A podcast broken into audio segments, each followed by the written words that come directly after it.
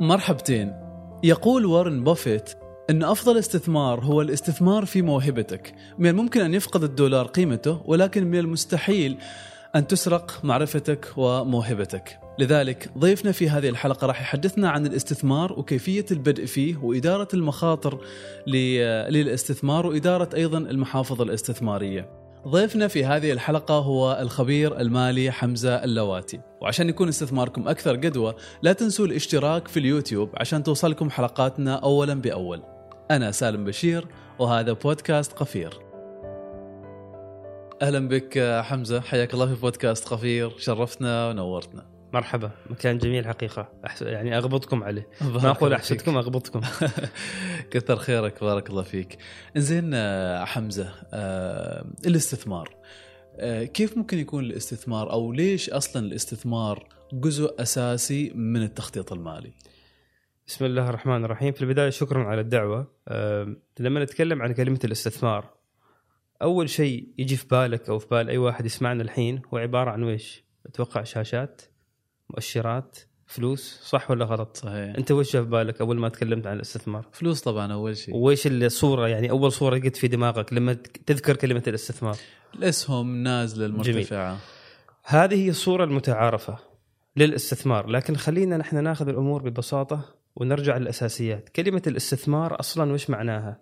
أن تستثمر. أن تستثمر يعني إذا عندك أي شيء سواء كان وقت سلعة مهارة بضاعة أي شيء ممكن أنك تقدمه مقابل شيء يعني ما تقدمه مجانا هذا أصبح استثمار مم. ليش هذا التعريف مهم؟ لأن لما بنتكلم في النقاط القادمة إن شاء الله معاكم في الحلقة نريد نوسع باب الاستثمار لأنه الاستثمار باب واسع جدا فإذا هو كان واسع جدا فلماذا نحد بأسهم وسندات وغيره هذه من أحد أبواب الاستثمار ولكن هي مش. كل شيء ف يعني كبداية بسيطة. كل ما ممكن أن يكون لك في عطاء مقابل يعني أنك تحصل على شيء هذا ممكن نعتبره استثمار. أنت الآن مثلا معاي تستثمر وقتك جالس. تقضي هذه الساعة معاي مقابل أنك أنت أيضا يكون لك سواء منافع مادية أو حتى معنوية أو غير مادية. ما بالضرورة تكون منفعة مادية. لطيف. أيوة. لطيف. طيب كيف يرتبط هذا بمسألة الاستقرار المالي أو التخطيط المالي. لما نفهم هذا ال- التعريف للاستثمار بنعرف إنه في أهم شيء في هذا التعريف هو الوقت. يعني أنت كإنسان أهم شيء عندك تملكه اهم ثروة تملكها هي وقتك. فكل ما كان يعني استغلالك للوقت بشكل أفضل في تعلم مهارات في استفادة في مثلا استثمار عندك مثلا مهارة معينة حتى من البيت ممكن تبيعها ممكن إنك أنت آه، تؤدي لها وظيفة معينة. ممكن تعرف هنا قيمة الوقت وكيف إنه هذا الوقت ممكن يفيدك في استقرارك المالي. آه، كثير من المشاكل المالية اللي موجودة لدى الكثير مش بسبب آه، نقص في الثروات أو نقص في المال ولكن بسبب عدم استغلال الوقت لصالحه فهي لعبة وقت في النهاية. لذلك يقول لك تايم إز ماني ليش؟ لأنه هو الوقت هو عن طريق الوقت ممكن إنك تستفيد تتعلم تذهب الجامعة كل شيء في حياتنا اساسه الوقت. مم. وحتى على فكرة في الموروث الديني وفي في في بالذات في الشعوب الشرقية يعني بالرغم من الشعوب الشرقية ما معروف عنها إنها ملتزمة بالوقت. يعني عادي نتأخر عشر دقائق ربع ساعه بس بس لو تشوف إنه كل شيء مرتبط بالوقت يسألونك عن ال- الساعة أيان مرساها. كل شيء لو تقرأ القرآن في موضوع الوقت التوقيت شيء مهم يعني متجذر يعني.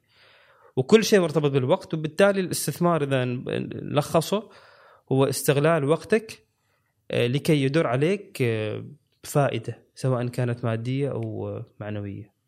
هذا كشيء عام. طيب عشان نوضح هذه الفكرة أكثر أعتقد محتاجين نفهم الأهداف. كيف ممكن الفرد يحدد هدف معين أو يحدد أهدافه لل- لمسألة الاستثمار؟ وأنت كفرد بشكل عام كشخص آه، تعيش الحياة وعندك طموح وعندك رغبات وعندك آه، متطلبات آه، هذا الرغبات وال- والطموحات ما ممكن تحققها بدون ثروة مالية. فالمال نعم إلى حد كبير مهم لسعادة البشر.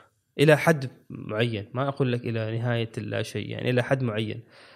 فأنت الآن مثلا آه، أخوي سالم آه، مثلا تقول لي أنا أستطيع أن أعيش حياة هانئة كريمة ب 2000 ريال شهريا مثلا. أنا هذا ال 2000 ريال بالنسبة لي أو 1000 ونص إلى آخر. أنت تحدد المبلغ هذا. هذه الحياة بالنسبة لي تعتبر حياة كريمة. فهنا انت أكثر من طريقة أكثر من مسلك. المسلك الأول وهو أهم مسلك إنك يكون عندك دخل ثابت تبحث عن وظيفة ما ممكن نحن نفكر في الاستثمار وتكون عندنا محافظ استثمارية إذا نحن ما قمنا بالاستحقاقات المهمة في البداية اللي هي الوظيفة. يعني خليني أشرح لك بطريقة أفضل وأوضح. تعرف عن مثلث ماسلو للاحتياجات الإنسانية؟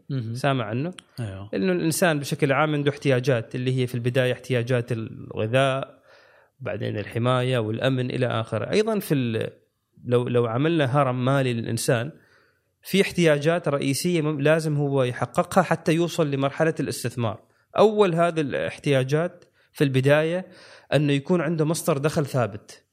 لا تقول لي أنا ببدأ أستثمر وأنت ما عندك مصدر دخل ثابت، أنت ما تعرف كم حيكون دخلك الشهر القادم أو السنة اللي قادمة، فأنت في البداية حاول على أنك توفر مصدر دخل ثابت ايا كان.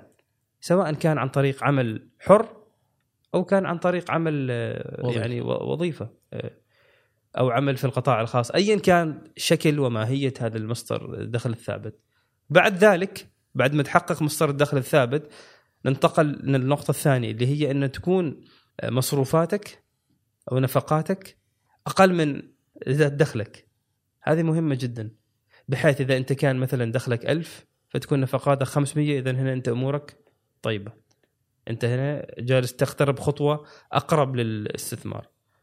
رقم ثلاثة انه تكون عندك صندوق طوارئ. صندوق طوارئ هذا مثلا الآن حتى الحكومات والدول تعمل صناديق طوارئ. صندوق الطوارئ أنه دخلك اللي على الأقل ست أشهر يكون موجود عندك على شكل نقد. يعني أنت الآن مثلا إذا فرضنا أنه راتبك ألف على سبيل المثال ستة آلاف ريال عمانية تكون موجودة كنقد لا سمح الله في أي حالة أو وضع أنت يعني تم مثلا قررت أنك تترك العمل أو تم التسريح أو صارت أي مشكلة أنت عندك 6000 ريال لمدة ست أشهر أنت مش عالة على حد يعني. هذا رقم ثلاثة. رقم أربعة إدارة القروض. إذا عندك قروض أو عندك ديون إذا عندك يعني ارتباطات مع أشخاص استحقاقات هذه تعمل إدارتها. إما أنك تحاول بسدادها أو تحاول تعملها إعادة جدولة. يعني لازم تعمل لك خطة واضحة أنا هذا عندي هذا القرض مثلا مستقرضنه من فلان أو من هذه المؤسسة متى بقوم بسداده كاملا؟ ما أخليه كذا على الهواء أو أخليه مفتوح. والخطوة الأخيرة رقم خمسة هي الاستثمار إنه ما زاد من الفائض المالي عندك بعد هذه الخطوات تبدأ تستثمر فيه. فهي يعني الاستثمار ما تقدر تبدأ فيه تقول مثلا الكثير يظن إنه يلا أنا بادي باغي أبدأ استثمر ما تقدر. لازم الخطوات هذه كلها تمر فيها تحققها تدرسها وتعرف أهمية كل خطوة وبعدين التاج والنهاية اللي ترصع بيها إنك تدخل في عالم المستثمرين.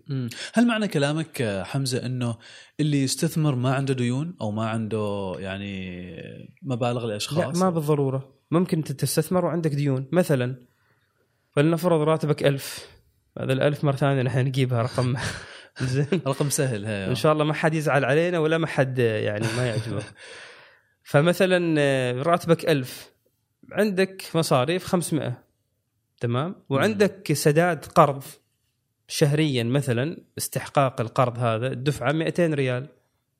فتبقى لك 300 فأنت 300 استثمرت فيه فأنت هنا مقترض ونفس الوقت استثمر لأن أنت عامل نظام وحساب وعامل آه، يعني محاصصة لكل بند من بنود ميزانيتك المالية مم. فما بالضرورة إنك لا بالعكس في ناس آه، على فكرة كثير من الناس آه، يعني يقترضوا بالذات اللي هم في عد في عالم ريادة الأعمال يعني أنت الآن لو تروح في عالم ريادة الأعمال المصانع الشركات كذا كلها عندها قروض يعني ولكن هذا لا يغنيها إن هي أيضا تستثمر جزء من عوائدها في منتجات استثمارية هي تشوفها مناسبة لها يعني. لطيف. وصندوق صندوق الطوارئ قلت؟ صندوق الطوارئ. ستة أشهر هذه هي ال يعني هي ال standard ولا مش standard في ناس عندهم سنة. في واحد عنده سنتين. في ناس عندك أنت وأريحيتك في الحياة ومدى يعني توفيرك. ومدى نوع نوعية شخصيتك يعني. في ناس شخصياتهم مثلا شخصيات مثل ما نسميها conservative محافظة. تقول لك لا أنا ما أريد ست أشهر أريد سنتين. لا سمح الله صار شيء. يعني في ناس عندهم ال- يعني إدارة المخاطر بشكل يريدوا يعملوها بشكل مثالي جدا يعني. فيمكن يوفر لمدة سنتين. في ناس يقول لك لا أنا ثلاث أشهر يعني مم. كافي. ثلاث. أشهر كافيات يعني. بس أنا أشوف ست أشهر جيدة يعني. يعني أنت تخيل لو مثلا كثير من الناس كان عندهم صندوق طوارئ خلال أزمة كورونا. أتوقع كثير أيضا من ال- كثير من التحديات كانت ممكن إنهم يواجهوها بشكل أفضل يعني. طبعا هذا عدم التقليل من أزمة كورونا لأنه أزمة كورونا كانت أزمة استثنائية. استثنائية وكانت يعني فعلا صعبة.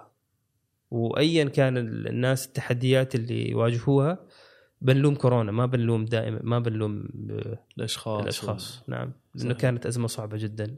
مش فقط أزمة مالية كانت أزمة خوف وأزمة نفسية أيضا يعني. طيب تجاوزنا كل هذه المراحل وصلنا إلى مسألة ال- الاستثمار. كيف نفرق ما بين الأصول الثابتة والأصول المتغيرة؟ انزين لما نتكلم عن الاستثمار إذا تسمح لي آه، الناس في ما تحب مذاهب. يعني أنت مثلا تحب القهوة فلان الشاي إلى آخره والناس في ميولها وفي إدراكها أيضا مختلفة يعني. من أحد الأخطاء اللي يمكن نحن ك يعني مستشارين في الاستثمار أو في عالم الاستثمار اللي نعملها على انه نقدم صورة نمطية وردية للاستثمار. بمعنى أول ما نتكلم عن الاستثمار يعني نقول للناس لازم تكون عندكم أسهم أو تكون عندكم أصول ثابتة أو عقار أو إلى آخره. مع أنه ما بالضرورة انه كل واحد عنده أسهم أو سندات هو المستثمر الناجح. يعني أعطيك مثال. عطني هوايتك. خليني أسألك سؤال. ويش عندك هواية شيء؟ آه كرة قدم. كرة قدم. مثلا أنت الآن عندك هواية في كرة القدم وسالم مثلا مدافع ممتاز. مدافع ممتاز. رحت عملت لك مقاطع في التيك توك عن تكتيكات الدفاع وصورتها ونشرتها. هذا مش وظيفتك. أنت وظيفتك آه، تلقى عليها راتب معين. لكن هنا استثمرت مهارتك وحصلت من هذا المقاطع مبالغ عن طريق استضافات من أندية رياضية تدريب إلى آخره إعلانات صار هذا استثمار. فبهذه الطريقة أنت وش وش ال- الشيء اللي عملته؟ ما بالضرورة تروح تتعلم آه، أمور يعني مثلا في الفاينانس أو في المالية. كل اللي عملته بكل بساطة مهارة تحبها فيها شغف عندك لك فيها شغف استغليتها وحققت منها مصدر دخل إضافي. غير عن الوظيفة اللي أنت مرتبط فيها. هذا يعتبر استثمار. وهذا مصدر دخل ثاني ثانوي غير عن ال- الوظيفة. ويدر عليك دخل هذا يعتبر استثمار. حتى بتعريف ال- العلم العلوم المالية هذا يعتبر استثمار. أنا بتكلم عن الأصول الثابتة المتغيرة بنجي فيها بس أيضا أريد كمقدمة أوضح بعض هذه الأمثلة. فأي أي مهارة الواحد ممكن يستغلها تدر على دخل ثانوي هذا أيضا استثمار. ليش أنا مركز على هذا النقطة؟ لأنه الدراسات والأرقام تثبت وتقول على أنك أنت لما تكون مركز في شيء تحبه. وعندك فيه شغف أدائك ونتائجك وحتى تحقيقك المبالغ المالية أفضل من شيء أنت ما عاجب منك. مم. لذلك بعض الناس يجيوني يقول لي حمزة نريد نبدأ محفظة استثمارية كذا. بس أشوفهم مثلا هم ما عندهم أصلا شغف الأرقام وشغف الكذا صحيح. فأحاول أبحث عن مصدر الجذوة والطاقة اللي موجودة فيهم والشغف اللي عندهم. هنا تتحول إلى coach يعني mentor يعني ترى أنا يعني هو coach مالي. في النهاية أنا I'm trying to يعني أنا أحاول أن أبحث له مصدر دخل. صحيح صحيح. وشيء مستدام شيء يستمر معاه واحد. عنده مثلا آه، مهارة إلقاء.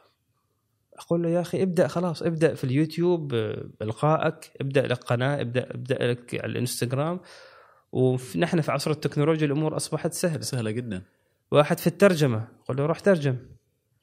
فقبل ما نحن نروح ولازم كل واحد ترى في صورة نمطية سالم يعني ترى بس- بسبب ال social media واليوتيوب وغيرها آه، مرات في ناس ما مقتنعين أيضا يعني يكون عندهم استثمار في الاسهم وما- لازم يكون عندهم استثمار في الاسهم مش. هو الطريقة الوحيدة ولكن في شيء صاير في ال social media نحن كلنا طبعا متأثرين فيه ما في حد ما متأثر فيه اللي هو نقلد بدون ما نعرف إنه نحن نقلد. آكل ما يأكله المشهور أو أقرأ ما يقرأه المشهور. هذا طبيعة صاير. واستثمر فيما يستثمر فيه. بالضبط. فبتشوف مثلا حمزة مؤثر مالي طالع في ال social media يتكلم عن مثلا سندات أو أسهم. يا أخي أنا باغي. ما بالضرورة. هو حمزة يتكلم في مجاله. أو فلان يتكلم في مجاله. فأنا دائما لما يجيون الشباب أو الأخوات أقول لهم ابحث عن مصدر الطاقة والجذبه إذا أنت تحب هذا المجال نعم تفضل. بالعكس مجال جميل. ممكن إنك أنت تحقق منه أيضا. عوائد ولكن آه، إذا أنت عندك مهارة استثنائية مثلا في موضوع مثلا آه، موضوع تصميم زينة شيء معين وأنت ما مستغله ابدأ اتعلم كيف تستغل هذه المهارة لأنه استغلالك لهذه المهارة وتسويقك لها وبيع وبيعك لهذه المهارة ترى هي أيضا مقدمة إنك تكون مستثمر ناجح. يعني قصة مثلا أحد الشباب جاني قال لي يا أخي حمزة أنا أطلع مبالغ وفعلا مبالغ كبيرة بالآلاف من السيارات هذه مش وظيفته. هذه يعني يعني عمل هو شغوف بالسيارات يشتري ويبيع يشتري ويبيع. وبالآلاف يعني يمكن حتى مرات المبالغ اللي هو يطلعها من من هذا النشاط يمكن أكثر من راتبه. ما شاء الله.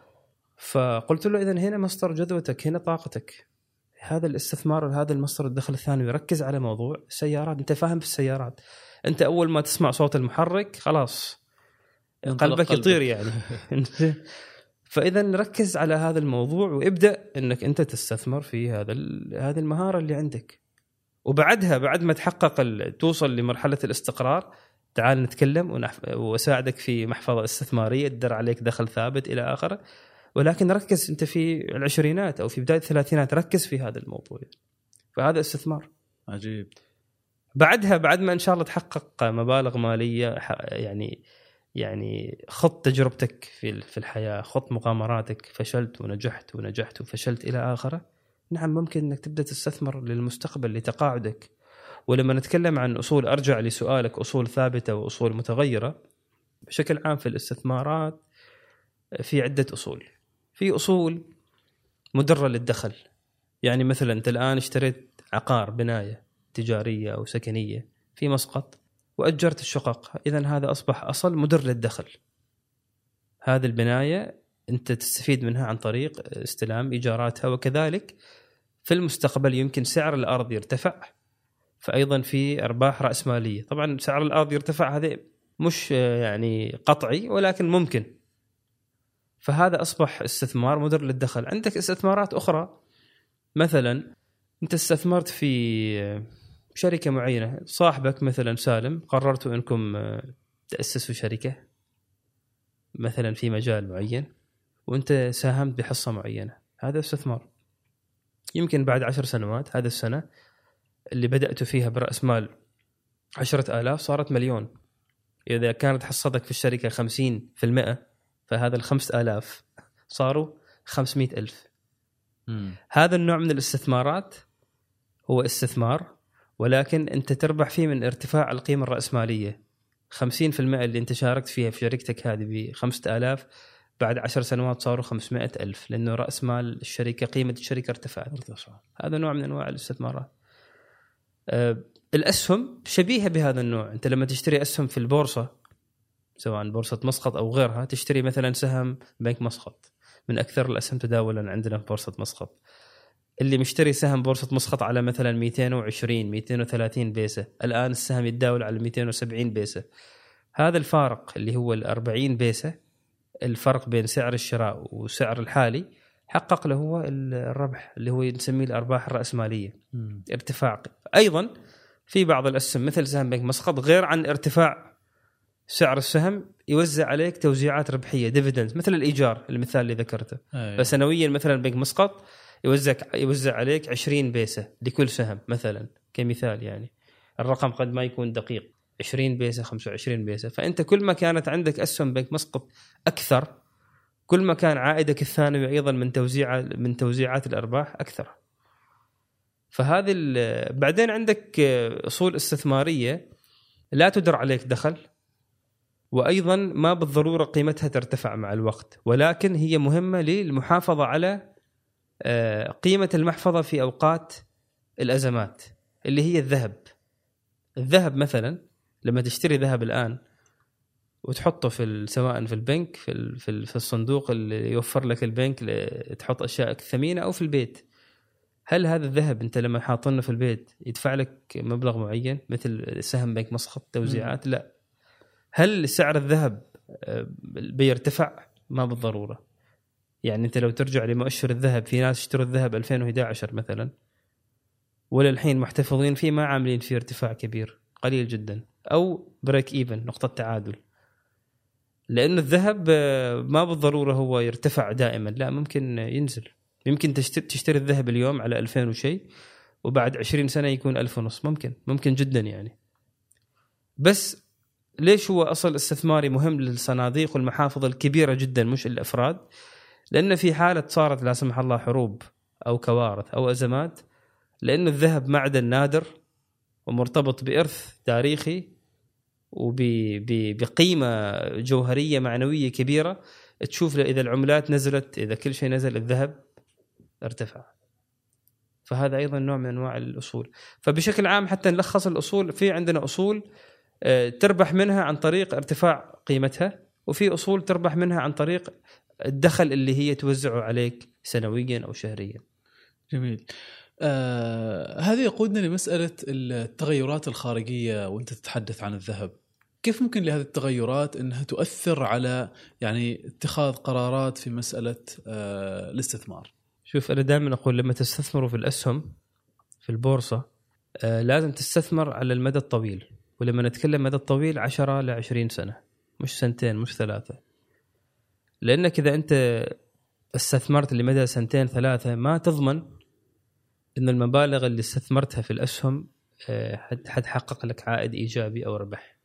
يعني مثلا كمثال واقعي أنت استثمرت مثلا في نهاية العام 2021 وفي بداية العام 2022 ارتفع التضخم بشكل كبير في أمريكا وفي الغرب.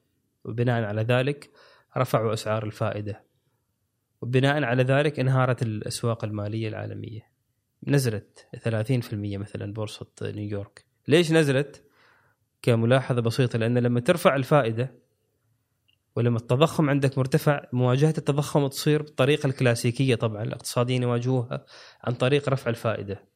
حتى تجعل آه، موضوع الاستقراض من المؤسسات المالية صعب للناس. فلما يكون صعب للناس وللشركات يكون إنفاقهم في الاقتصاد أقل. أقل. بالتالي لما تقلل الطلب ال demand يقل ممكن إنك أنت تسيطر على التضخم ال inflation فزادت أسعار الفائدة وصلت يعني 5.5% بالتالي هذه الشركات كلها اللي في البورصة اللي هي كانت متعودة قبل فقط سنة تأخذ قروض ب 3% أو 2.5% فجأة صار قرضها 5.5% فأثر على طبعا أرباحها. لذلك البورصة نزلت لأن البورصة أي بورصة اسهم دائما تأخذ في الاعتبار المستقبل. يعني أول ما الفدرال البنك الفدرال الأمريكي في يناير من العام 2022 قرر على إنه حيبدأ سياسة التشديد ورفع الفائدة مباشرة شفنا أسعار الشركات نزلت مع إنه في شهر يناير أو فبراير أرباحها ما نزلت. ولكن سوق الأوراق المالية أو البورصة يتوقع. يقول بناء على هذا القرار اللي صدر من الفدرال الأمريكي نتوقع أنه خلال الست أشهر أو ال 12 شهر القادم أرباح هذه الشركات ستتأثر وفقا ل نسبة لرفع الفائدة فتنزل أسعار الأسهم. فلو أنت مستثمر في 2022 تقول لي يا أخي حمزة أنا خسران. أنا مثلا مؤشر S&P نزل 30% كذا. بس لو انت مثلا حاط هذا ال- الاستثمار وظليت تستثمر يعني ظل التدفق النقدي لمحفظتك الاستثمارية مستمر في كل الحالات سواء كان السوق مرتفع أو نازل لا أنت الآن بتكون محقق أرباح لك انتظرت. فكل ما كان انتظارك في السوق فترة أطول كل ما كانت احتمالات تحقيقك لأرباح أعلى والعكس أيضا صحيح. كل ما قصرت ال- الهامش الزمني أو المدة الزمنية خليتها مثلا سنة ست أشهر كل ما كانت نسب خسارتك وفشلك أكثر مم. لذلك نحن لما في البورصة في عندنا مصطلحين دائما لما تسأل أي حد يقول لك أنا في البورصة اسأله هل أنت مستثمر أو أنت مضارب تعرف الفرق بينهم إيش الفرق؟ المضارب يدخل السهم مش بناء على قيمة الشركة و وقصة الشركة وهل هذه الشركة مهمة وإيش تعمل. شاف الشارت أو الرسم البياني وشاف نقاط بيع ونقاط تجميع وقال أنا بشتري هنا وببيع هنا. يعني يشتري اليوم يبيع بعد يومين بعد ثلاثة بعد أربعة بال- بالحد مثلا بعد شهر. بس ما عنده يعني ما عنده أصلا إنه هو يقرأ عن الشركة ويعرف هذه الشركة شو تعمل وإيش ميزانية المالية للشركة وإيش أرباح الشركة وهل هذه الشركة شركة مهمة للاقتصاد. لا. يستثمر على مثلا أرباح مؤقتة يعملها مدة قصيرة. هذا المضارب. بالمقابل المستثمر يقضي وقت طويل إنه يقرأ عن الشركة ويقرأ ويشوف الميزانية المالية ويحللها ويبحث عن مكان من الخلل والخطأ في أمورهم المالية. فإذا اقتنع بالشركة بعد تحليل يمكن يأخذ شهر.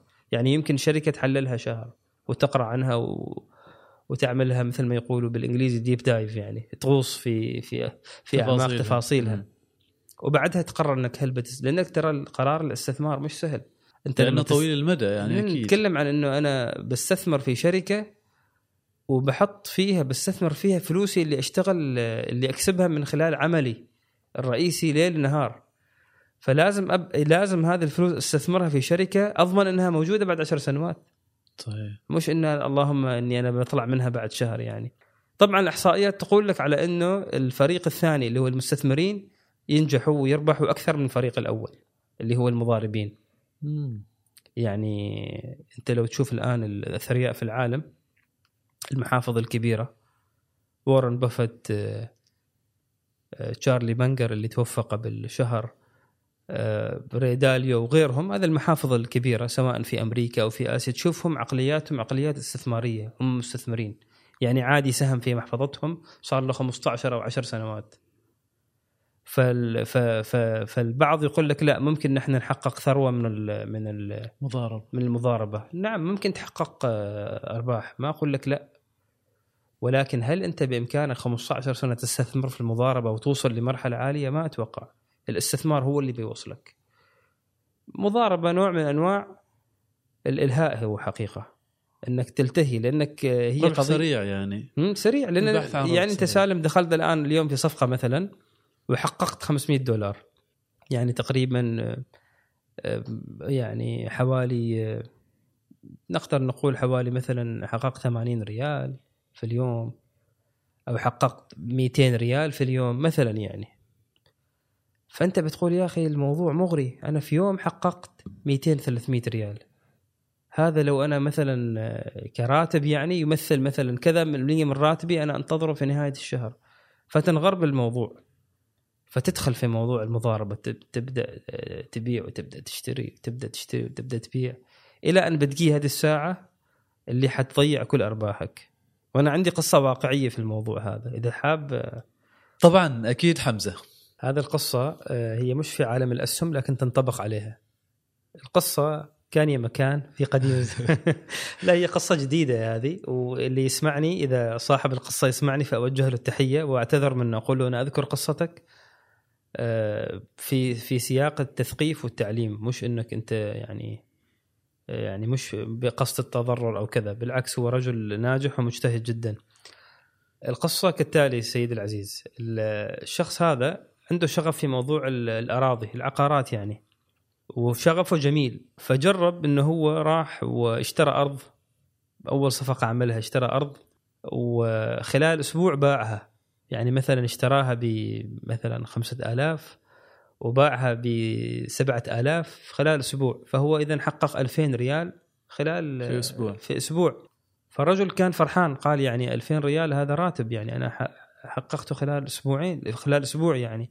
راح السبعة آلاف هذه أيضا اشترى فيها مثلا أرض أخرى سعرها أغلى واشتراها وباعها وحقق منها مبلغ أكبر يعني حقق 3000 أو 4000 ريال ربح خلال فترة أسبوعين أو ثلاث أسابيع عمل تقريبا ثلاث صفقات ناجحة وكل صفقة تقريبا حص... يعني الأولى تقريبا 2000 الثانية 3000 الثالثة 5000 شيء كذا بعدين بعد. يعني بعد ثلاث صفقات ناجحة خلال مدة قصيرة طبيعتك أنت كإنسان وحتى اللي حواليك آه، تشعر بالنجاح وهذا شيء طبيعي, طبيعي وصحيح نفسي يعني. يعني. يعني أنت مثلا طلعت 15000 أو 20000 ريال في خلال ثلاث أشهر هذا. راتب سنة لموظف يعني صح فمش شيء هين يعني بالعكس شيء كبير وهذا يدل على إنه الشخص هذا أيضا عنده يعني ذكاء آه، قال أنا بدخل الآن في صفقات كبيرة راح اشترى أرض وأخذ بعض المبالغ الإضافية آه، يعني يمكن لبعض الأصدقاء وكذا غيرهم وأيضا حط منه مبالغ إضافية مع الأرباح اللي عملها سابقا وضخ رأس مال إضافي واشترى أرض كبيرة يمكن ب 100 وشيء ألف كذا مبلغ كبير يعني مم. وفجأة هذيك الأرض ما قادر يبيعها مش مش فقط ما قادر يبيعها للحين ما قادر يبيعها حتى على سعر اللي هو مشترنها يعني اذا يعني في شراي لكن الشراي على سعر أقل. أقل. فإذا باعها يخسر. يخسر كل اللي حققه سابقا ويخسر جزء من رأس ماله. فهذا المثال اضربه أيضا على موضوع المضاربة. في المضاربة أنت تدخل صفقات تربح وتربح وتربح وخلاص عقليتك أو نفسيتك تكون نفسية أيضا آه، وصعب ترى تتحكم بالنفسية. أنا أعرف إنه في كورسات وفي كتب تقول لك عقلية المتداول وعقلية المضارب وكيف تتحكم بس ترى أصعب شيء في الحياة حاليا في الكون مش صناعة آه، صاروخ أو وصول للقمر مش هذا. أصعب شيء هو التحكم في نفس الإنسان. ليش؟ لأنه لو كان التحكم في نفس الإنسان سهل لو ما شفنا هذه الحروب وهذه المجاعات هذا صحيح. كله أسباب نتيجة إن الإنسان ما يقدر يضع آه، التحكم لنفسه وحد لنفسه يعني مم. فلما تدخل في المضاربة تصير فيك نفس الأشياء أنا ترى دخلت في المضاربة أنا ترى مش ضد المضاربة 100% أنا يعني أقول ممكن الواحد مثلا إذا اثنين أو 5% من محفظته الاستثمارية يخليها للمضاربة لا بأس بحيث إذا خسر بيخسر 5% 5% 5% يتعوضن خلال سنة وسنة ونص ما عندك مشكلة يعني. بس ما تحط لي 50% من محفظتك مضاربة.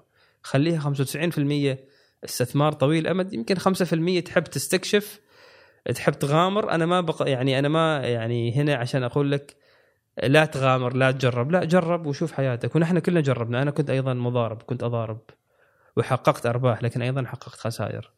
وال... وال... وفي الاستثمار تحقق أكثر تحقق أرباح أكثر. بالرغم إنه الاستثمار ممل لأن المضاربة أول ما تشتري السهم يبدأ الأدرينالين عندك آه، يرتفع. يرتفع.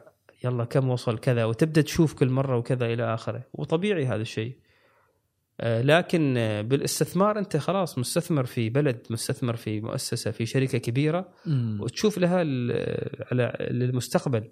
ولو قارنا بين الآثار الناتجة عن المضاربة والاستثمار على الشخص وعلى وعيه فهي فرق كبير. الإنسان المستثمر أنت الآن مثلا لما تستثمر في شركة من الشركات مثلا OQGN أكيد اكتتبت في OQGN مم. زين فلما استثمرت في OQGN أنا واكتتبت المستثمر ال- ال- ال- الحقيقي يروح يقرأ عن الشركة.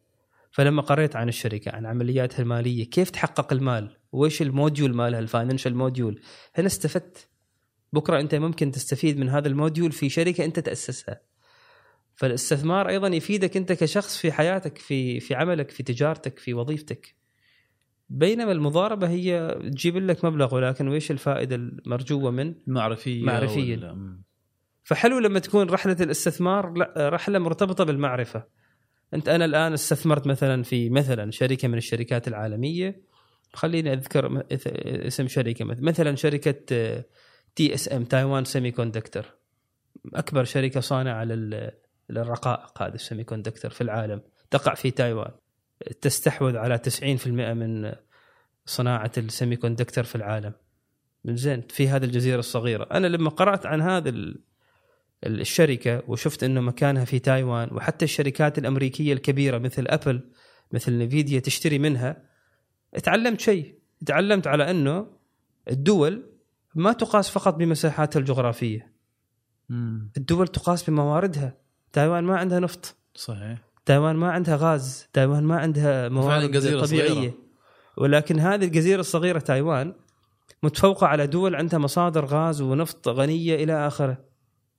ليش؟ دول الدول الصغيرة نطلع شيء برا الموضوع. الدول الصغيرة دائما آه، تحاول إنها هي تحمي نفسها. والح- والحماية ما دائما حماية يعني عسكرية. أنت مهما أنفقت على العسكر والدفاع وكذا في النهاية الحروب لها حساباتها. وهذا أوكرانيا وروسيا خير دليل على ذلك يعني. حتى موضوع طوفان الأقصى يعني الكيان مع المقاومة في فلسطين مع اختلاف الإمكانات. بس تشوف الحرب مستمرة الآن. ما قدروا إنهم يقضوا على المقاومة فالدول الصغيرة مثل تايوان من إحدى استراتيجيتها للبقاء وانه تكون سيطرة الحرب عليها مكلفة إنها تستثمر في صناعات وقطاعات مهمة وحيوية للعالم. الآن إذا صارت حرب على تايوان نتكلم عن توقف شريان الإلكتروني والإمدادي لكل شركات التقنية في العالم لأبل وغيرها، نتكلم عن ممكن هاتف الآيفون اللي الحين واصل سعره ما أعرف قريب كم واصل سعر الآيفون؟ ما أدري والله ما إذا واصل 700 يمكن يتضاعف. الكمبيوترات اللابتوبات كل شيء كل الكاميرات كل شيء فيه شرائح في سيمي كوندكتور شيبس فدولة صغيرة جزيرة نعم هي بجانبها الصين الصين عظيمة ودولة كبيرة ولكن ليش الصين ما قادرة إلى الآن إنها هي بالحرب يعني تغلبها وتضمها لأراضيها؟ لأنه تكلفة الحرب على تايوان آه، تؤرق العالم كله من شرقه إلى غربه. فهذه الدولة الصغيرة بما نجحت. فيهم الصين نفسها. بما فيهم الصين. فإذا نجحت الدولة الصغيرة بدون موارد طبيعية كبيرة إنها تضع نفسها في خارطة العالم عن طريق إنه هي آه، استثمرت وابتكرت وصنعت شيء العالم محتاجه. عجيب. هذا كيف تعلمته؟ من استثمار لأن استثمرت في شركة TSM السهم اسمه TSM يتداول في بورصة نيويورك. عجيب. تعلم بهذه الطريقة. فالاستثمار يعني معرفة إنك تعرف وتقرأ وتبحث وتفهم الاقتصاد وتفهم السياسة وإلى آخره. امم ممتاز. زين أه حتكلمنا عن الأسهم تكلمنا عن المهارات إيش فكرة تنويع تنويع الاستثمار أو تنويع الاستثمارات؟ أساس فكرة التنويع اللي هي يسموها ال diversification أساسها هي هي هي أداة من أدوات إدارة المخاطر أساسها يعني هي مش يعني هي أساسها مش أساس استثماري ولكن أساسها جاي من ال risk management يعني إدارة المخاطر. مم. فالفكرة هذه تقول لك على إنك لا تجعل كل بيضك في سلة واحدة. يعني أنت الآن مثلا سالم آه، إذا تستثمر مثلا في بورصة مسقط ما بتحط كل فلوسك وكل ثروتك في سهم شركة واحدة. يعني أنت هنا ربطت مستقبلك في هذه الشركة. أو مثلا إذا عندك أيضا محفظة متكاملة ما بتحط كل شيء في العقار. بتنوع. ولا بتحط كل فلوسك في شركة معينة مع دخلت فيها استثمار مع صاحبك يعني مم. ففكرة التنوع إنه هي أنت تت... أنت تنوع بطريقة تشوفها مناسبة لحفظ استثماراتك على المدى الطويل بحيث إنه إذا أحد الاستثمارات آه، قيمته قلت فهذا القيم اللي قلت يتم مكافأتها موازنتها عن طريق استثمار آخر قيمته زادت في المحفظة. فأنت عندك مثلا لو نشوف على محافظ الاستثماريه للأسهم فمحافظ الاستثماريه للأسهم مثلا فيها تنوع في قطاعات الأسهم يعني ما تدخل في الأسهم كلها في قطاع التكنولوجي مثلا ما تشتري لك محفظة كلها في قطاع التكنولوجي. لأنه القطاع التكنولوجي إذا نزل فكلهم ينزلوا مع بعض. ولا تأخذ لك أسهم كلها في قطاع الطاقة أو كلها في قطاع تنوع. تعمل لك محفظة فيها أسهم في قطاع الصناعة في قطاع التكنولوجيا في قطاع الخدمات إلى آخره. طبعا هذا الموضوع مش سهل. يعني كأفراد مش مش سهل إنك أنت تعمل محفظة متنوعة. لذلك أفضل طريقة وما تورط راسك وما تورط نفسك إنك تروح تستثمر في محافظ استثمارية جاهزة هي أصلا متنوعة بطبيعة الحال. اللي يسموها ال ETF سمعت عن ال ETF لا. ETF عبارة عن صندوق استثماري مدرج في البورصة. منوع أساسا هو منوع. يعني طبيعته إنه متنوع. فانت تروح تشتري أسهم تشتري هذا تشتري سهم في هذا الصندوق. وهذا الصندوق عبارة عن سلة يحتوي على مجموعة من الأسهم المتنوعة في المجالات كلها. لأنك صعب أنت كشخص آه، تنوع. إذا ما كنت آه، ملم وما كنت فاهم. صحيح. فأنت بدال ما أنك تروح وتعمل هذا الشيء آه، تضع ثقتك في مدير الصندوق هذا اللي هو يدير هذا الصندوق وتشتري حصة من هذا الصندوق. فهذا أنت نوعت بهذه الطريقة. طبعا هذا في مجال الأسهم لكن أيضا في مجال الحياة انت نوع يعني ثروتك. انت عندك ثروة مثلا سالم اشتري جزء منها في الأسهم بس لا تحط كل ثروتك في الأسهم. حط جزء من ثروتك في العقار. ولما تدخل في العقار لا تحط كل ثروتك مثلا في العقار السكني كلها شقق أو كلها بنايات سكنية لا. أعمل لك تجاري سكني صناعي إلى آخره. يعني حتى في كل أصل من الأصول العقارية ممكن إنك أنت تنوع. وبشكل عام لو نشوفها من الطيارة محفظتك الاستثمارية أو ثرواتك كلها لازم تكون منوعة ما تكون في مجال واحد. مثلا واحد يحب الساعات فنقول لا تحط كل ثروتك في الساعات. نعم الساعات أصول ثمينة وممكن بعضها أسعارها ترتفع بس ترى نوع لا تحط ممكن تحط جزء في الساعات يعني وجزء في المقتنيات الثمينة وجزء في الأراضي وجزء في الأسهم وجزء في الصكوك مثلا يعني. زين آه أنت تكلمت عن إدارة المخاطر. كيف ممكن نعبر عن الاستثمارات في مسألة المخاطر؟ هل هناك استثمارات آمنة بحيث إنه ما ينخفض سعرها ما يعني أحافظ على أصولي فيها؟ كيف عادة شوف كلمة الاستثمار أول ما نبدأ في عالم الاستثمار فتبدأ معاها المخاطر. لأنه هو هذه ترى معادلة give and take هي معادلة. المعادلة تقول لك عائد مقابل نسبة مخاطر. مم. وكل ما زاد العائد كل ما زادت نسبة المخاطرة. وكل ما قل العائد كل ما قلت نسبة المخاطرة. هذه هي العلاقة. فأنت أول ما بد- بدأت ودخلت في منتج استثماري في مخاطر. فيه أعطيك مثال. نبدأ بأقل نبدأ بأقل مستوى للمخاطر. مثلا وديعة ثابتة في البنك. وديعة ثابتة في البنك. هذا الوديعة الثابتة في البنك. مثلا أنت عندك الآن خمسين ألف. أحد البنوك عامل مثلا إعلان أنه هذا الخمسين ألف حطها عندنا وديعة تحصل عليها خمسة في المية. في عمان أتكلم. هذا يعتبر بشكل عام في الخليج البنوك آمنة. ائتمانها جدارتها الائتمانية عالية. هذا يعتبر آمن استثمار. ولكن هل ما في مخاطر؟ في مخاطر. وإيش المخاطر؟ عدة مخاطر موجودة. مثلا هذا الخمسة في المية اللي أنت عملتها سنة مع البنك يمكن بعد ست أشهر أو ثلاث أشهر صارت ستة يعني في بنوك أخرى عملت ستة في المية فإذا أنت هنا خسرت فرصة أنك تكون عندك عائد أعلى اللي هو ستة في المية رقم واحد. رقم اثنين تخيل البنك انهار. في بنوك في العالم انهارت. ما أقول لك في السلطنة أو في الخليج بس في العالم في أمريكا في أوروبا في بنوك انهارت. البنك لما ينهار آه، أنت تخسر فلوسك فيه. اللي زاد عن الحد في حد معين البنك المركزي يحميه اللي يسموه آه، في عندنا قانون اللي هو حماية الودائع. فمثلا حوالي أتوقع آه، عشرين ألف ما أتذكر الرقم بالضبط في مرسوم سلطاني وفي قانون يحمي الودائع إلى حد معين. فمثلا لو فرضنا عشرين ألف فإذا أنت حاط خمسين ألف والبنك تفلس فالبنك المركزي حيدفع لك عشرين ألف لكن ثلاثين ألف راح راحا إذا تفلس البنك. إذا راح لموضوع التصفية النهائية. فهذه مخاطرة موجودة. بس أنت هنا تحسبها ما احتمالية حدوث هذا الشيء. فأول ما تدخل في موضوع الاستثمار المخاطرة موجودة. نروح طبقة أعلى مثلا بتروح لي بعد البنوك لسندات. مثلا سندات آه، السلطنة. سندات السلطنة كحكومة سلطنة عمان هي سندات سيادية. السندات السيادية اللي هي عندما الدولة أو الحكومة تقترض من المستثمرين بشكل عام تعتبر سندات آه، يعني يعني تعتبر آه، يعني مستوى الحماية فيها والأمان جيد. مش نفس البنك بس جيد.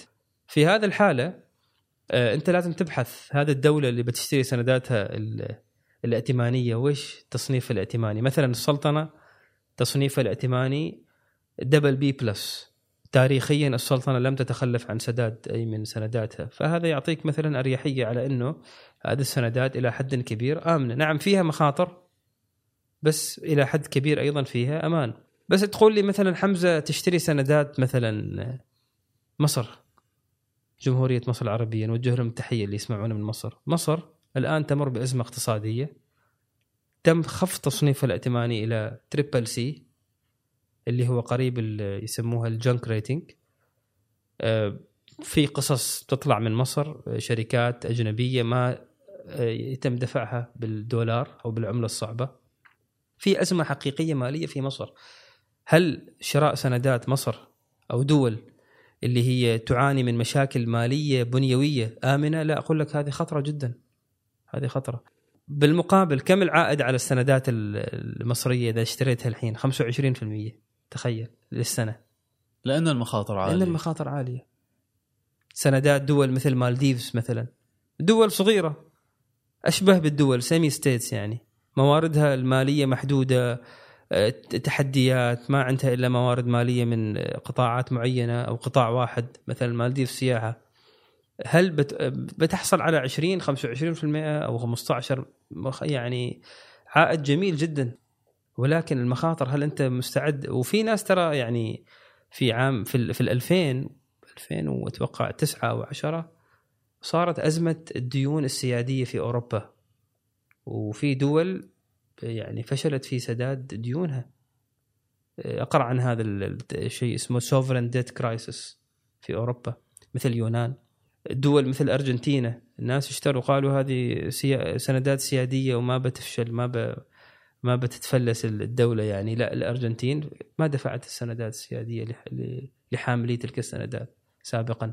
فحتى لما تشتري السندات تتأكد إنك أنت مشتري في اقتصاد في شركة في دولة عندها ملاءة مالية وجدارة ائتمانية عالية.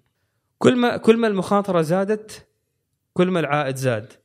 أنت لما تستثمر بالذات لما تستثمر في لتقاعدك لسنوات لما يكون عمرك 60 سنة فينبغي عليك أن تستثمر بعائد متوسط حتى لو كان 8 9% ولكنه ثابت ودائم. وكما المقولة المشهورة قليل آه، قليل دائم خير من كثير منقطع يعني. هذا القاعدة. لطيف. هل هناك طريقة فعالة في أنك أنت تقيس آه هذه الاستثمارات مع الوقت تقيس آه نجاحها وتتبع نجاحها؟ نجاح استثمارك تقيسه بالهدف اللي وضعته لك. فمثلا إذا كان هدفك أنت مثلا تحقق آه، دخل عائد دخل ثانوي من الاستثمارات في الأسهم مئة ألف دولار سنويا يعني حوالي أربعين ألف دولار يعني أربعين ألف ريال عماني عفوا حوالي أربعين ألف ريال عماني تجيك كعوايد كتوزيعات من استثماراتك في الأسهم. إذا كان هذا الهدف اللي وضعته الآن أنت لنفسك في بداية عام 2024 أنت تقيسه كل سنة كم حققت؟ يعني مثلا السنة الأولى أنت مثلا صار دخلك الثانوي مثلا عشرة آلاف دولار السنة الثانية عشرين وهكذا. ففي طرق في في برامج في في طرق آه، يعني رياضية إنك تقيسه. بس أنا أركز إنك تقيسه بالهدف اللي وضعته لنفسك أنت ما تقيسه مع هدف شخص آخر. يعني سالم أنت الآن مثلا وضعت لنفسك هذا الهدف إنه إنه في سن الستين لما تتقاعد يكون دخلك الثانوي مئة ألف دولار أربعين ألف ريال عماني. في سن الستين إذا وصلت أنت لهذا الهدف أنت نجحت. وإذا أنت نج... وإذا أنت متابع هذا الهدف سنويا وشايف إنك تقترب منه اذا أنت ناجح. لا تروح تقارن مع أحمد أو مع حمزة أو مع X Y Z. وتشوف إنه لا هو عامل أكثر. هو له هدف استراتيجي هو عامل أكثر لكن ترى يمكن مخاطرته أيضا أكثر. فموضوع القناعة هنا مهمة يعني. أنت ضع لنفسك هدف إذا أنت مقتنع فيه قارن أدائك بهذا الهدف. مش بأداء شخص آخر أو حتى بأداء مؤشر أو بأداء سوق. لطيف. هذه الطريقة الصحيحة اللي أشوفها إنك أنت تقيس أدائك. في بعض الناس مثلا يقول لك أنا حققت مثلا السنة الماضية 9% آه، تمام؟ لكن السوق الأمريكي حقق مثلا 20% أو 24% فأنا حققت أقل من السوق الأمريكي. ما بالضرورة إنك أنت خطأ ما بالضرورة إنك أنت يعني أدائك ضعيف لأنه يمكن أنت استراتيجيتك الاستثمارية متحفظة وهذا يناسب قناعتك فإذا أنت حققت أنت نجحت. ما بالضرورة إنك أنت تكون دائما الأكثر الافضل وكذا.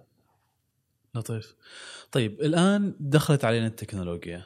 إيش هو الشكل اللي وصلنا له بعد ما تغيرت نظرة الناس للاستثمارات واساسا الأدوات اللي أصبحت متاحة الآن؟ التكنولوجيا وما أدراك ما التكنولوجيا. نبدأ بالسلبيات. خذ راحتك. الحديث آه، مرة. التكنولوجيا آه، لها سلبيات. قبل ما أنا أذكر إيجابيات. لأنه خلت كل شيء سريع. وخلت كل شيء اتخاذ القرار سريع.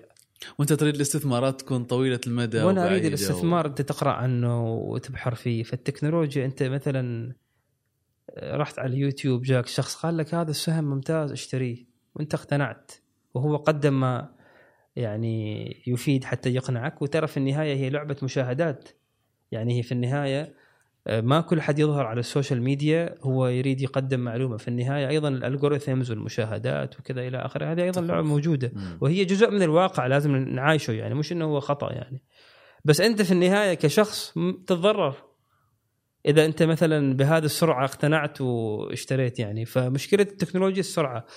أحد الشباب الأصدقاء إذا يسمعني أوجه له التحية يعجبني فيه قلت له يا أخي فلان أنت ما تستثمر عن طريق التطبيق أه، تستثمر بطريقة تقليدية إنه هو يستثمر عن طريق وسيط تداول يتصل فيه على التليفون وقبل ما يشتري أي سهم في إجراءات معينة يوقع إلى اخره لين. يتم شراء السهم يعني بالطريقة القديمة فقلت له ليش؟ قال لي شوف آه، لأنه لما أشتري بهذه الطريقة أيضا ما أقدر أبيع بسرعة يعني أفكر أفكر قبل ما أبيع لأن مرات ترى أنت مشتري سهم ارتفع فقلت ما شاء الله أنا عامل فيه ألف ريال حلوات هذه حال مالديف ولا حال تركيا ولا حال أوروبا؟ ورحت بعته ولكن يمكن قرار البيع هذا خطأ يمكن هذا السهم أنت المفروض تحت- تحتفظ فيه لقدام 20 سنة. فهو وضع هذا الصديق اللي يسمعنا الآن وضع لنفسه عقبة اللي هو أنا أستثمر عن طريق وسيط تداول تقليدي. حتى لين أبيع سالفة يعني ياخذ يوم الموضوع يعني. فيمكن هو خلال هذا اليوم يفكر وخلال هذا اليوم يراجع إلى. آخره.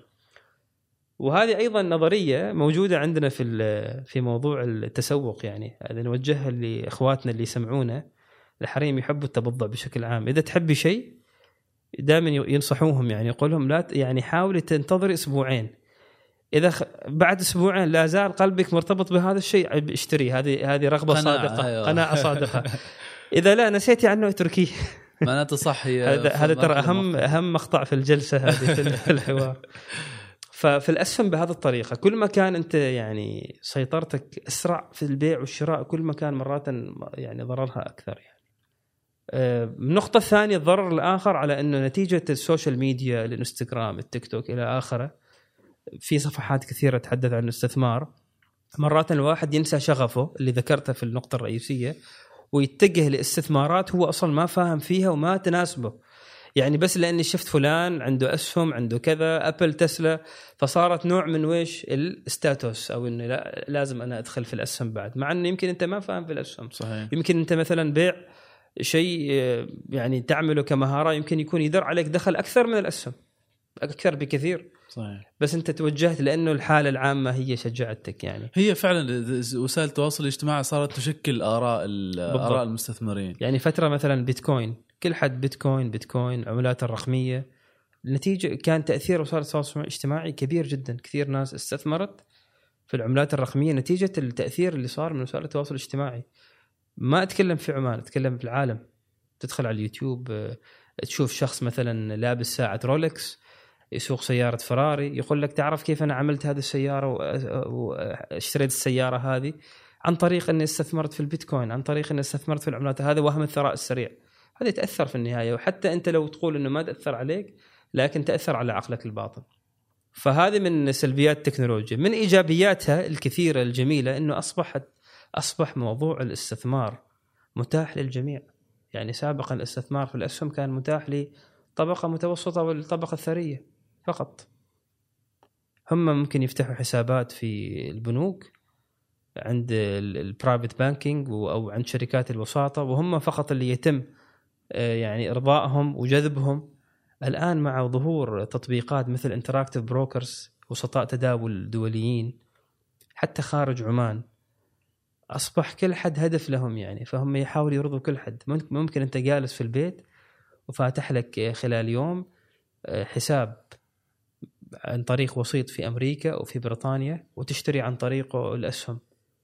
فصارت المنافسة مش فقط داخل عمان صارت عالمية وصاروا يستهدفوا كل الفئات حتى لو دخلك قليل يعني. فصار فصار بإمكان الجميع إنه هو يكون يكون محفظة استثمارية بطريقة سهلة جدا. ما لازم يدفع مبا- مبالغ كبيرة يعني. سابقا حتى تشتري سهم العمولات مرتفعة غالية كثيرة. الآن أصبحت يعني تشتري أسهم العمولة يا دوب دو- دولارين. يا دوب دولارين بعضها أقل. فصارت العمولة أيضا قليلة. فأصبح ال... وهذا شيء إيجابي إنه صار بإمكان كل واحد إنه يعمل له محفظة استثمارية. دخل موضوع الذكاء الاصطناعي في الموضوع سهل الموضوع بعد أكثر. مثلا سألت الذكاء الاصطناعي إنه أنا أريد محفظة آه، تدر لي دخل ثابت أو نموها يكون 8% جاب لك خلال دقيقة 100 خيار. مثلا دخلت تطبيق Interactive Brokers تقول أنا ما أقدر مثلا إني أستثمر بشكل شهري وأدخل التطبيق. أريد العملية تصير عملية تلقائية أوتوماتيك.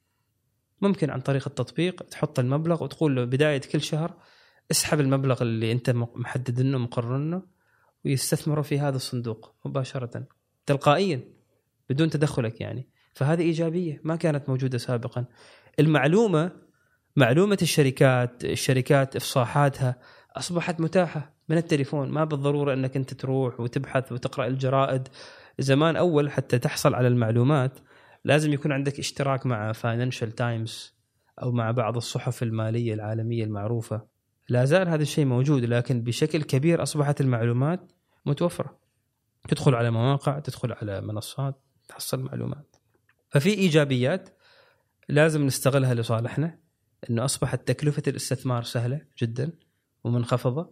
وفي سلبيات نحاول إنها نبعدها عنه. هذا هذا يعني هذا حديث التكنولوجيا بشكل مختصر. لطيف. طيب حمزة حتى مع وجود هذه الإيجابيات اللي تكلمت عنها والقدرة قدرة الناس على الوصول لهذه المنصات المضاربة وغيرها صارت هناك يعني يعني يمكن طلعت منها سلبية أخرى وهي إنه المنصات هذه يعني ما تعرف تحدد هل هي حقيقية أو لا في فرصة للسرقات وغيرها. كيف كيف كيف المستثمر الناجح يتعامل مع هذا الموضوع؟ أنا بذكر بعض الخطوات يمكن تساعد المستمعين. لما تختار منصة تداول أو استثمار تستثمر أو تداول عن طريقها كأنك تختار بنكك الشخصي. يعني أنت الآن مثلا لما تروح تختار بنك ما بتروح أي بنك. يعني مثلا لو أنا اليوم قلت للناس أنا عندي بنك ما حد بيجي عندي.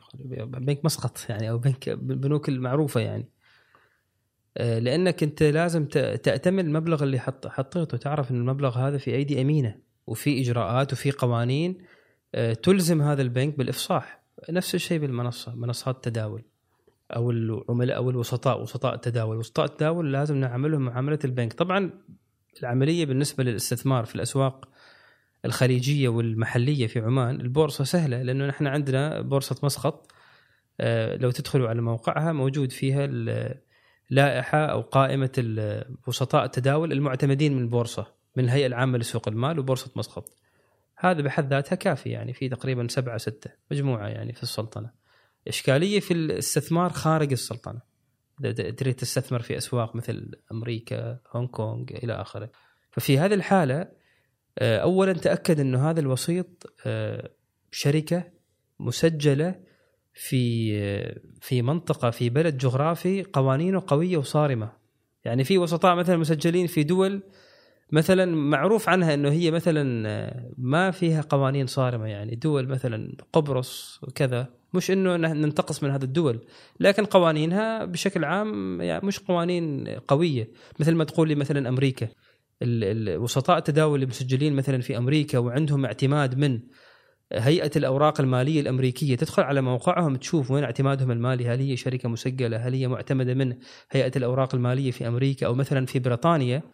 فالشركات اللي مسجلة في مثل هذه الأماكن المواقع الجغرافية هذه الخطوة الأولى. هذا مثل ما نقول نضرب صح أو تشيك ليست رقم واحد. رقم اثنين نجي نشوف الشركة هل هذه الشركة شركة تفصح عن بياناتها وتفصح عن هذا الوسيط. هل يفصح عن بياناته؟ ترى هو ياخذ فلوسك وانت تداول بهذه الفلوس. ممكن إنه ياخذ الفلوس ويسكر ويهرب يعني. فأنت لازم تتأكد على إنه هذه الشركة ملزمة بالإفصاح وتفصح. فمثلا أنا أفضل مثلا إني أستثمر في شركات عن طريق وسطاء اللي هم آه، يعني شركات مساهمة عامة مدرجة في البورصة. يعني نفس شركة الوساطه شركة مساهمة عامة مدرجة في البورصة. فما بس إنها ملزمة بالإفصاح ولكن هي عليها رقابة ثانية اللي هي رقابة الناس رقابة الإعلام رقابة الشعب. فبهذا يعني هذا الشيء.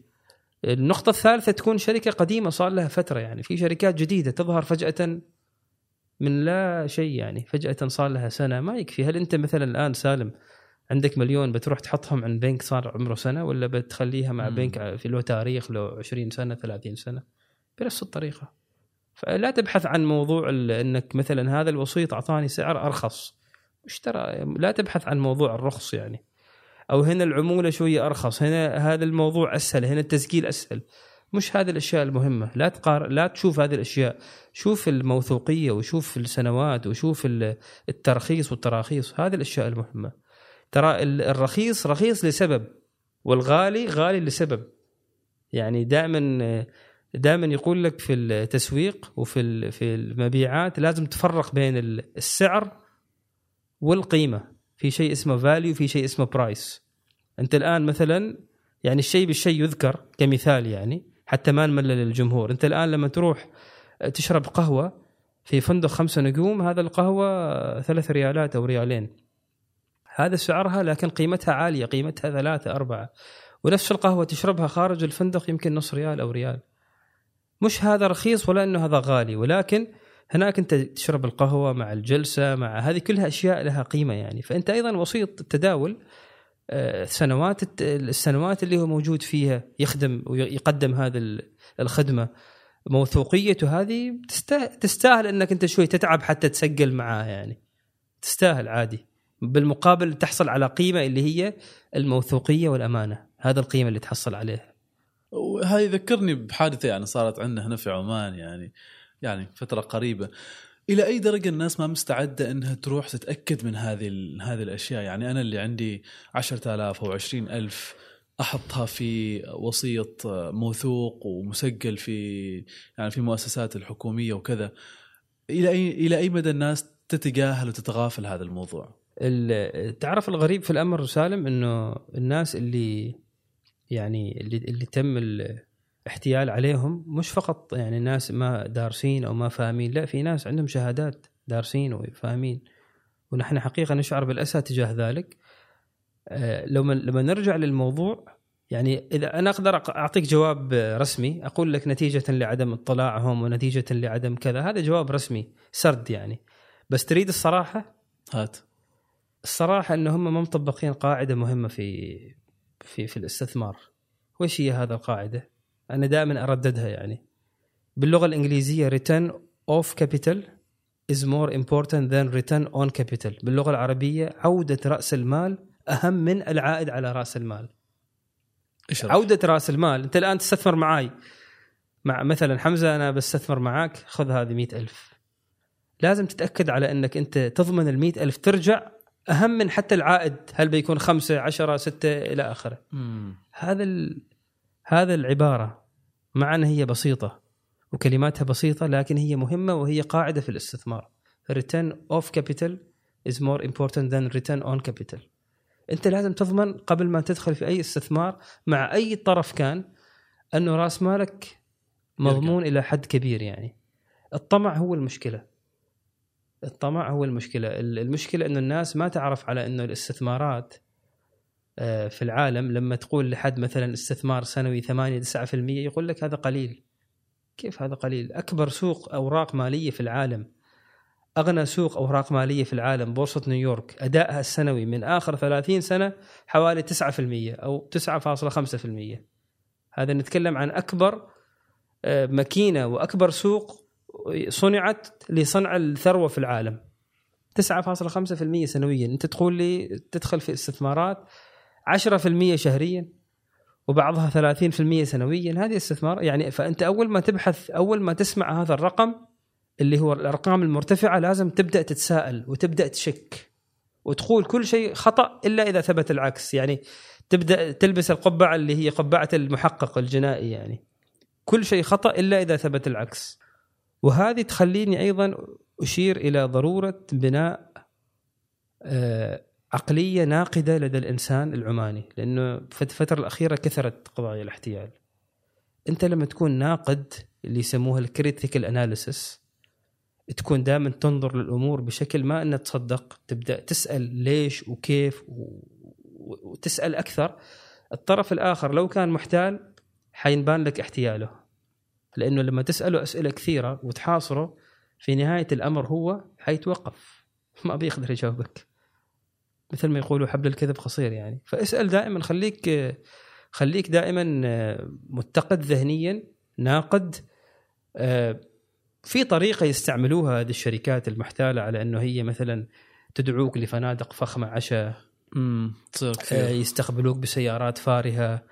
هدايا ثمينة. طبعا هذه طريقة متبعة لدى كثير من الشركات وبعض الشركات صادقة مش إنه هي تحتال لكن الشركات المحتالة تستغل هذه الطريقة لإضفاء هيبة ولإضفاء نمط معين على شخصيتها بحيث إنك أنت بعد ما حصلت هذا الفندق خمس نجوم والدورة المجانية وما أدري شو والاستقبال تبدأ أنت يعني تكون مثل ما تقول تستحي إنك تسأل. وشوية كذا تكون لا خليك خليك قوي اسأل وانسى كل هذه الأشياء. ترى أنت جالس تستثمر وتعطيهم مبالغك يعني. ثروتك. فخليك كريتيكال بالضبط. هذا هذا يعني هذه النقطتين اللي هي القاعدة الأولى اللي ذكرناها وهذا النقطة الثانية كفيلة إنها تنقص حالات الاحتيال. حتى بدون السرد النظري وروح اسأل والقوانين هذا سرد نظري. وهذا كان موجود من من زمان ولا زلنا نحن نشوف في حالات احتيال يعني. جميل جميل.